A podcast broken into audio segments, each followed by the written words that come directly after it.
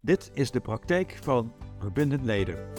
Verbindend leiden leer je niet door erover te lezen. Je leert het vooral door te oefenen in je eigen praktijk. Ik ben Frans Willems, oprichter van Leiderschap de Weide. En ik verdiep hoe je zowel kunt verbinden als leiden, zodat je samen meerwaarde creëert. Leuk dat je luistert. Vandaag ben ik uh, samen met Martijn Kerkhoff. Uh, Martijn, uh, hartelijk welkom. Dankjewel, Frans. Ja, ik verdiep zodat ik met jou ja, de ervaring die je hebt gedaan in jouw groei in leiderschap. We kijken naar de context van je werk. We kijken naar je bijzondere opdrachten erbij, wat dat voor jezelf betekent. En ja, we zijn natuurlijk ook benieuwd naar de praktische tip die je straks voor ons in petto hebt. Ik zal je eerst even voorstellen. Uh, Martijn is uitvoerend bestuurder van de SCORE Jeugdhulp. Dat is een organisatie met ongeveer 40 medewerkers die zorgen voor uh, individuele begeleiding, gezinsbegeleiding, groepsbegeleiding, logeren en pleegzorg. En de belangrijkste opdracht van Martijn is misschien wel om SCORE weer veel meer stabiliteit te geven in een tijd dat er turbulentie is. Turbulentie is in de jeugdzorg, turbulentie is omdat er heel veel aanbestedingen zijn en die uh, pittige problematieken met zich meebrengt. De belangrijke transformatie die uh, SCORE heeft doorgemaakt de afgelopen tijd is een opschaling om veel meer uh, samen te werken met uh, GGZ-instellingen, met instellingen die bezig zijn met de geestelijke gezondheidszorg. Nou, over Martijn persoonlijk zou ik kunnen zeggen dat hij graag met zijn gezin op reis gaat met vakantie dat hij houdt van het Burgondische leven en dat hij dat weer op een manier compenseert, zodanig dat hij ook weer sportief bezig is door uh, te hardlopen, te voetballen bij de veteranen. En hij gaat ook heel graag skiën. Ja. Martijn, uh, als ik dat zo vertel over jou, um, wat zou je misschien nog willen aanvullen? Nou, ik denk dat je in ieder geval al hele mooie dingen over mag vertellen. Het is wel mooi om dat verhaal te horen. Ja, ik denk dat, dat wat ik zou willen aanvullen is inderdaad de, de complexiteit van de afgelopen jaren in de, in de jeugdzorg. Ik denk dat het in de media ook uh, erg uh, hot is tegenwoordig. Dat brengt wel een, een, een extra dimensie aan het werk. En uh, dat zorgt voor hele veilige en onveilige situaties. En daar zullen de organisaties, maar alle medewerkers die daarin werken, moeten constant ook onder die druk echt gewoon functioneren. En dat is geen kattenpis. En dat, dat is, daar heb ik veel respect voor de medewerkers die dat de afgelopen jaren hebben. Ja, Martijn, wij horen dat. Je zei al, wij, lezen erover in de krant, we, we zien het op televisie. Die, uh, die problematiek bij de jeugdzorg, uh, dat die stevig is. Ja. En dat die vooral ook te maken heeft met de complexiteit ervan. Ja. Kun je ons daar eens in meenemen om ons dat ja, dat begrijpelijk uit te leggen wat dat betekent? Ja, dat betekent dat de hele transformatie in 2015, waarin dat naar de gemeentes is gegaan, gemeentes verantwoordelijk zijn geworden voor een stukje jeugdzorg, wat natuurlijk zij zichzelf eigen hebben moeten maken. Waar ze te maken hebben gehad met een krapte budget. Ik bedoel, als ik kijk naar, naar Zweden, was er 25% bij de transformatie. In Nederland doen we er 25% af. Dat betekent dat de hele sociale domein de afgelopen jaren onder druk heeft gestaan. En dan met de hulpvraag die de afgelopen jaren eigenlijk alleen maar toeneemt, complexer wordt, sociale maatschappelijke voorzieningen die minder zijn. Eh, we kunnen toch minder gebruik maken van ons netwerk. Helaas heel veel scheidingen, samengestelde gezinnen. Ik denk dat ook eh, alle voorzieningen minder zijn geworden, waardoor mensen echt een groter eh, ja, appel doen op jeugdzorg. Daar vinden we met z'n allen wat van. Waarom is dat nu zoveel nodig en was dat twintig jaar geleden niet? Maar dat, dat komt door de maatschappelijke verandering in de context. En dat heeft gelijk invloed op de hulpverleners, omdat ze eigenlijk in krapte moeten werken. En wij denken constant dat transformeren de oplossing is tot bezuinigen. En daar transformeren is het beter maken en zoeken naar nieuwe mogelijkheden. Niet altijd bezuinigen. En die slag, die hebben we nog niet goed met elkaar gemaakt. Het gaat ook heel veel over financiën. En eh, dat is prima. Ik vind dat we ook dat in de gaten moeten houden, ons budget. Maar dat in combinatie met transformeren vind ik niet altijd even zuiver. En dat maakt het complex. En betekent dat eigenlijk dat je zegt, kijk, de behoefte aan, aan ondersteuning is gewoon groter geworden. Ook al omdat mensen, uh, grote groepen mensen, kinderen, niet ervaren dat ze in een omgeving nog voldoende steun krijgen. Is dat de kern van het verhaal? Ik denk dat dat in ieder geval een van de, van de kernen is. Ik denk inderdaad de sociale maatschappelijke verandering, waar vroeger bijvoorbeeld heel simpel de kerk, de voetbalvereniging, eh, de buren en school, waar in ieder geval ook vanuit groep eh, gekeken wordt. Of dat doen we samen als maatschappij, we zijn er samen verantwoordelijk zijn, zijn we nu heel erg individualistisch. En dat is toch een andere manier. We zien het ook in hoe gaan mensen met elkaar om. Vaak kennen mensen hun buren nog eens. Dus de steunbronnen in de omgeving, die veranderen. We zien het verenigingsleven heeft natuurlijk gigantisch moeilijk om vrijwilligers te krijgen. Ook dat waren allemaal facetten waar ondersteuning was. Of waar als een kind het moeilijk had, het thuis niet zo goed was, in ieder geval naartoe kon gaan om wat steun. Ja, tegenwoordig is dat bijna allemaal professionele zorg geworden. Eh, we zijn natuurlijk ook veel eh, kundiger geworden. We kijken natuurlijk ook anders naar systemen. We kijken natuurlijk ook niet alleen maar van het kind heeft een probleem. Nee, het kind heeft een probleem. Maar hoe zit het bij ouders? Wat zijn de competenties van ouders? Hoe zijn ouders? We zien natuurlijk hier ook in Zuid-Limburg, waarin we te maken hebben met behoorlijk laag opgeleide mensen. We zien veel transgenerationele problematiek, hè? dus over de generaties heen. Dat maakt het ook waar het gebied waar wij wonen heel erg complex. Ja, en eigenlijk betekent dat dat je dus een hoge druk hebt in de zin van er is hoge, hoge nood die vraagt om hulp en tegelijkertijd zijn de, zijn de budgetten beperkt. Ja. Ehm, wat, um, en ook de medewerkers, het aantal medewerkers. Het is natuurlijk niet, eh, sorry voor het woord, het is niet altijd sexy geweest om met de hulpverlening te werken. Hè? Het commerciële werk, dat trekt toch veel studenten meer aan. Terwijl het natuurlijk gewoon een waanzinnig mooi vak is. Maar het is niet altijd populair geweest. Dus we zien ook wel een, een tekort aan medewerkers. En medewerkers in de zorg hebben en de hulpverlening hebben ook gewoon wat ringjaren nodig vaak. Mhm, om, om, het, uh, om het werk ook te kunnen doen. Ja, ja, werk te kunnen doen, uh, uh, want er komt toch een behoorlijke belasting ook op jou als persoon. Hè? Je bent zelf het middel tot, maar ook de klant die vraagt om iemand die wat ervaring heeft. En we zien toch heel veel jonge professionals het vak inkomen die toch vaak al op plekken terechtkomen waar ze nog niet voldoende ringjaren hebben. En de draagkracht en draaglast eigenlijk ook bij de professionals vaak uit balans is. Je zou dus kunnen zeggen dat er sprake is van een uh, stevige combinatie van, van vraagstukken, meer behoefte aan zorg, aan ondersteuning, uh, minder middelen beschikbaar en dat in combinatie met dat het aantal medewerkers wat je hebt ook beperkt is waarmee je het werk kunt doen. Nu heb jij daar de afgelopen periode met je organisatie stappen ingezet? Ik noemde al dat je die transformatie hebt ingezet om te gaan samenwerking met GGZ. Kun je eens toelichten hoe dat hierin helpt, hoe dat een bijdrage levert? Ik ben er altijd van overtuigd dat de kracht zit in samenwerken. Je kunt als organisatie eh, niet alles doen. Ik denk, vroeger waren er grote systeemorganisaties in, uh, in Zuid-Limburg. En je ziet dat dat moeilijk is als zij willen implementeren of ontwikkelen, is dat gewoon een lastig proces. Je ziet dat vaak wat kleinere organisaties meer wat implementatiekracht hebben. En dat is mooi, hè? Dat, dat kunnen wij als organisatie namelijk ook heel erg goed.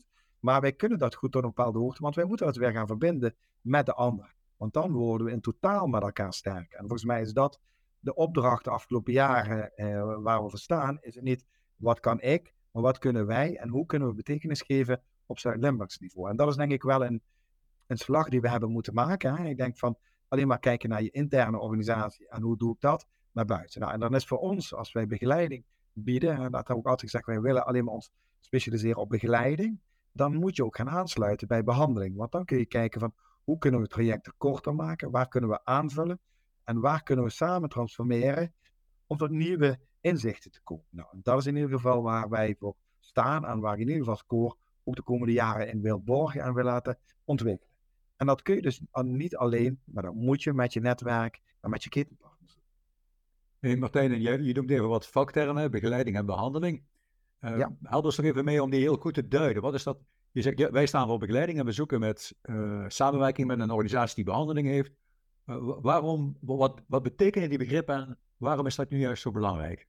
Ja, een beetje het klassiek. Hè? Bij behandeling zie je vaak het medische model. Is het vaak op zoek naar een diagnose en daar gekoppeld een bepaalde therapie aan. En bij begeleiding is het meer het praktisch oefenen van vaardigheden. En je ziet dat behandeling vaak bij de behandelorganisatie gebeurt. Dus dat het gezin naar de organisatie gaat en daar behandeling krijgt. En begeleiding ze vindt plaats meestal in het gezin, in het systeem. En om dat met elkaar te gaan combineren, dan wordt het een meerwaarde. Want het is heel goed om ook in dat gezin en letterlijk te zien, te voelen, te proeven en te kijken wat gebeurt daar. En dan met de kennis van de behandeling, dan worden de meerwaarden met elkaar. Dus vaak zeg je in de behandeling, dit en dit zijn onze doelen. En dan ga je in de praktijk, in het gezin, ga je die oefenen en kijken hoe kunnen we aan die doelen samenwerken. Ja, en daar zie ik de komende jaren de kracht. En dat kan naast elkaar lopen, omdat het ook familie van elkaar is, maar elkaar niet bedreigt. Maar helaas hebben we ook in de zorg met concurrentie te maken. En dat is in dit gebied niet. Dus je gaat vanuit vertrouwen samen ontwikkelen. Help ons mee, eens even mee om dat uh, te duiden in de praktijk. Uh, zo van, heb je een voorbeeld van een, uh, van een gezin of een kind in een gezin waarin bijvoorbeeld deze combinatie juist zo waardevol is? Ja, wij doen dat bijvoorbeeld al met matchcare. wij starten een intake altijd met een, iemand die als behandelaar daar zit en een begeleider. En dan zie je, waar heeft dat gezin aan behoefte aan? En vaak zie je dat het gezin eerst behoefte heeft aan stabiliseren, een luisterend oor, vertrouwen. Om naar die behandeling te gaan, vinden ze vaak eng. Uh, dat medische model, wat gaan ze van mij denken? En dan kun je, als je laagdrempelig met begeleiding in dat gezin, dat ga je, dat ga je stimuleren, dat ga je informeren. En dan maak je samen, ga je met dat gezin naar die behandelaar. Dan is daarin ook al die rust gecreëerd. Ja, dat zijn, ja, dat zijn gewoon mooie dingen. En je ziet natuurlijk in gezinnen, het moment dat je er bent en uh, er wordt gesproken over een partner, dan, dan hoor je alleen maar het verhaal bijvoorbeeld van een moeder. Maar als vader en moeder er samen zijn, dan heb je het totaal. En dat is toch echt alleen maar werken vanuit het systeem. En daar kracht, daar kracht in realiseren. En als je dat zo vertelt, Martijn, zijn er dus stevige ontwikkelingen waar jullie mee van doen hebben. Waar je ook ja. antwoord op hebt door juist ook die samenwerking te zoeken met die GGZ die die behandeling kan bieden. Waardoor jullie integraal kunnen kijken naar wat er, wat er zich aandient die, die hele beweging, jij bent um, de uitvoerend bestuurder, jij gaat voorop. Wat heeft het voor jou betekend in de afgelopen jaren? Ja, het heeft heel veel voor mij betekend, Frans. Daar zit natuurlijk een heel eh, persoonlijk proces aan. Ik denk dat het, het, vak wat we mogen uitoefenen, heeft met een bepaalde kennis te maken. Maar vooral eigenlijk, wie ben je en hoe kun je in een netwerk, hoe kun je met collega's samenwerken? En dat is denk ik de afgelopen periode waar natuurlijk veel aandacht aan besteed is. Van hoe kun je vertrouwen met elkaar creëren? Hoe kun je samenwerken? hoe echt ben je ook in relaties? En vanuit daar de verbinding maken naar de transformatie in, in de producten. Maar het zit vooral in die relatie. En die relatie die is essentieel en dat is vertrouwen. Je ziet ook dat elke bestuurder of eindverantwoordelijke van de organisatie een aantal kwaliteiten heeft, maar ook een aantal thema's heeft waarin die mis doet. Nou, en dan kun je elkaar in gezamenlijkheid kun je ondersteunen. Wat ik bijvoorbeeld goed kan, kan de ander misschien wat minder. En wat een ander goed kan, kan ik niet zo goed. Ja, en dan kun je gewoon ook hulp aan elkaar vragen. En dat is eigenlijk, dat maakt dit werk waanzinnig leuk. Uh, maakt ook dat je zelf kunt groeien. En door als je zelf groeit, kun je anderen ook laten meegroeien. En dat is denk ik waar ik de afgelopen jaren mee ben bezig geweest. Ja, en dat maakt ook dat ik eigenlijk ja, een van de leukste banen heb. Want je bent met anderen bezig, voor anderen, maar ook met jezelf. En dat is een beetje ook dat dat egoïsme om zelf te groeien, ja, dat is heerlijk. Dus ja, jullie zijn dus bezig om ja, die samenwerking met anderen op te zoeken. We spraken al net over dat, uh, die samenwerking met de GGZ. Jij noemde ook de aanbestedingen. Hè? Die aanbestedingen die maken ook dat jullie moeten samenwerken met anderen. Ja. ja betekent dat nu ook dat jij kunt zeggen dat eigenlijk jouw belangrijkste opdracht om, om score naar de, de volgende fase te brengen, is dat jij in dat externe netwerk van betekenis bent, dat je daarvan waarde bent. Ja, dat klopt, Frans. Ik denk er is, er is een, een harde leidraad in de aanbesteding dat we teruggaan van 200 naar 55 partijen. Dus het is een reden om, eh, om score te borgen voor de toekomst. Moest je er natuurlijk wel bij zijn. Uh, erbij zijn, dat is leuk, maar hoe doe je dat dan? En dat gaat niet vanzelf. En dat lukt alleen maar door betrouwbaar te zijn, relaties aan te gaan en zeg- en doelgedrag met elkaar overeen te laten komen. Want we kunnen heel veel zeggen, heel veel window dressing gebeurt Maar het doelgedrag moet daarbij passen. En dat hebben je collega-partijen moeten dat van jou zien. Hè? Dus ben inderdaad ook open, transparant in je eigen organisaties. Laat mensen ook komen met een kopje koffie. Doe dat ook gewoon bij jou. En ga ook naar de ander toe. En creëer dat met elkaar. En dit is wel om de komende jaren ook score te borgen. En dat gaan we samen doen. Maar Martijn, ik kan mezelf nog goed herinneren dat samenwerking met andere organisaties altijd een stukje spanning met zich meebracht. Ja. Niet in de zin van, oké, eh, we gaan samenwerken, maar wel als je eigenaarschap gaat delen, dan ontstaat er een hele aparte dynamiek. Hè? Want je bent gewend op een bepaalde manier iets te doen, vervolgens ga je dat samen doen, daar komt een andere manier uit, die moet je ook intern weer weer uitleggen. Daar wil je ook aan bijdragen vanuit intern. Hoe lukt het jou om daarin met scoren ja, een fijne flow in te vinden? Nou ja, dat is voor mij maar op één manier gelukt. En dat is open en eerlijk en transparant zijn naar jezelf. Dan doe je dat ook binnen je organisatie. En dan kun je naar buiten gaan. Dan, dan krijg je je zeg- en doegedrag. Hetgene wat ik buiten vertaal, ziet men ook intern. Hè? En dat moet wel met elkaar overeenkomen. En dat is niet alleen maar van mij, maar dat moet ook van alle collega's zijn. Dus de, de transparantie, waarom je dingen doet en mensen dat laten zien. En daar ook kritisch laten meekijken, dat helpt. En op het moment dat je toch een verborgen agenda hebt, als je die hebt, dan is het lastig. En dan moet je leren om je verborgen agenda's uh, ja, toch uit te schakelen. En dat wil niet zeggen dat je je belangen kunt. Uh, maar leg je belangen op tafel. Of leg je kwetsbaarheden op tafel. Of leg je risico's op tafel. En als je kijkt naar uh, mogelijke obstakels die jou in de weg kunnen staan om dit zo vol te houden, om dit iedere keer weer opnieuw te doen. Wat, wat waren dat of wat zijn dat misschien nog op dit moment? Uh, de obstakels zijn constant je, je, je draagkracht in balans houden. Hè? Dat is ook wel waar ik met Natasja, mijn vrouw, het vaker over heeft. Zij, uh, zij zit natuurlijk ook in de hulpverlening als therapeute. Ze is dus echt in de inhoud. Ik kan, zij vraagt me ook altijd van, maar Martijn, hoe hou je in godsnaam uh, vol? En dat is eigenlijk je draagkracht. En dat betekent ook dat je goed voor jezelf moet leren zorgen. En dat is niet gemakkelijk. Want dat betekent ook ruimte en tijd te nemen. Ruimte creëren. Dat is zo essentieel. En dat, dat heb ik ook al de afgelopen tijd geleerd. Hè. Vroeger dacht ik, ik ben aan het spijbelen. Als eens een keer even een moment voor mezelf had. Of, er was even geen werk en ik ging eens een stuk wandelen. Dan dacht ik van, oh, ik ben aan het spijbelen. En nu denk ik, nee, dit is een moment waar eens even rustig tot bezinning kan komen. En zo over een aantal thema's kan nadenken. Vanuit je buik slaan. En dat helpt. Maar dat is niet uh, makkelijk. Dat lijkt makkelijk. Maar dat is een essentieel proces. Want als je met jezelf in balans blijft, kun het realiseren. Als dat uit balans, lukt het niet. Dan ga je verkrampen in situaties. Dan gaan anderen dat aan jou merken. Uh, ja, dat is het. En ja, dat probeer ik ook wel bij andere collega's en ook bij mijn mensen intern ja, te voeden. Van uh, zorg ook gewoon goed voor jezelf. Jezelf zorgen, wie ben ik en hoe zorg ik voor me, is. Ja, dus zodra je zelf in de, in de stressmodus terechtkomt, is het heel moeilijk om die, die openheid en die ontspannen houding, die je graag ook in dat contact met anderen wilt realiseren, om die tot uitdrukking te brengen. Hè? Dat is eigenlijk jouw, jouw boodschap, ja. ja. ja. Het is essentieel. Het zit niet in kennis. Het zit vaker niet meer in kennis, want kennis is er voldoende en kennis kunnen we altijd vergaren. En met elkaar hebben we heel veel kennis. Maar hoe doen we het in relatie met elkaar om tot iets te komen? Dat proces is eigenlijk al, altijd essentieel. Ja. Waar, uh, waar ben je blij mee als je nu terugkijkt op die afgelopen periode? Ik ben ontzettend blij dat we als koor aan tafel zitten, van betekenis kunnen zijn en mogen meeontwikkelen. Ja, daar ben ik trots op. Ben ik echt trots op dat we dat met elkaar hebben gerealiseerd. Ja. En aan de andere kant is het ook gewoon leuk. Dus, dus ja, aan de andere kant heb je iets gerealiseerd, maar het is ook iets wat leuk is. Want ja, je, je ontmoet zoveel mensen, er is zoveel diversiteit, uh, er is nog zo'n lange weg te gaan met elkaar.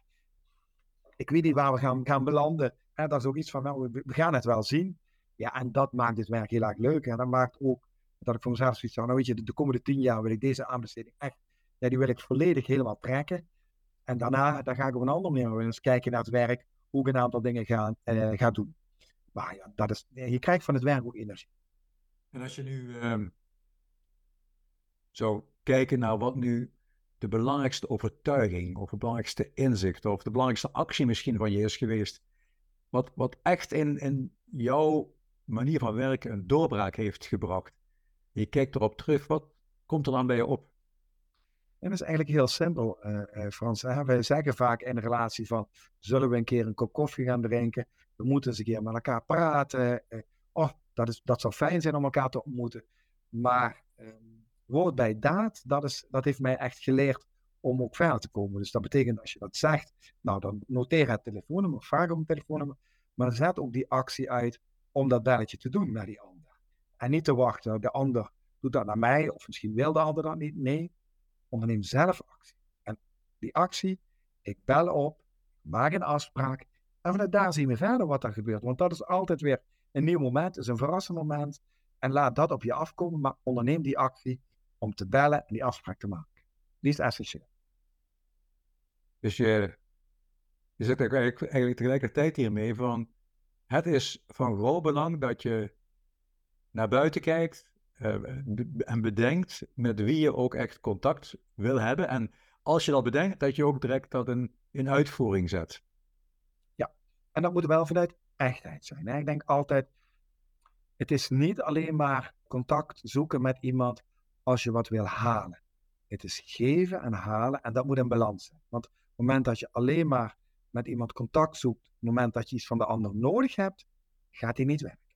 En dat kan best wel een keer, maar dat, dat, daar zul je wel van bewust, wat, wat, wat kan ik de ander brengen? Ofwel, wat kan ik meenemen? En dan komt er garandeer ook een keer een moment waarin jij iets kunt halen of van een ander krijgt. Maar dat is wel echt essentieel. Doe dat niet alleen maar als je iets nodig hebt. En onderhoud dat ook.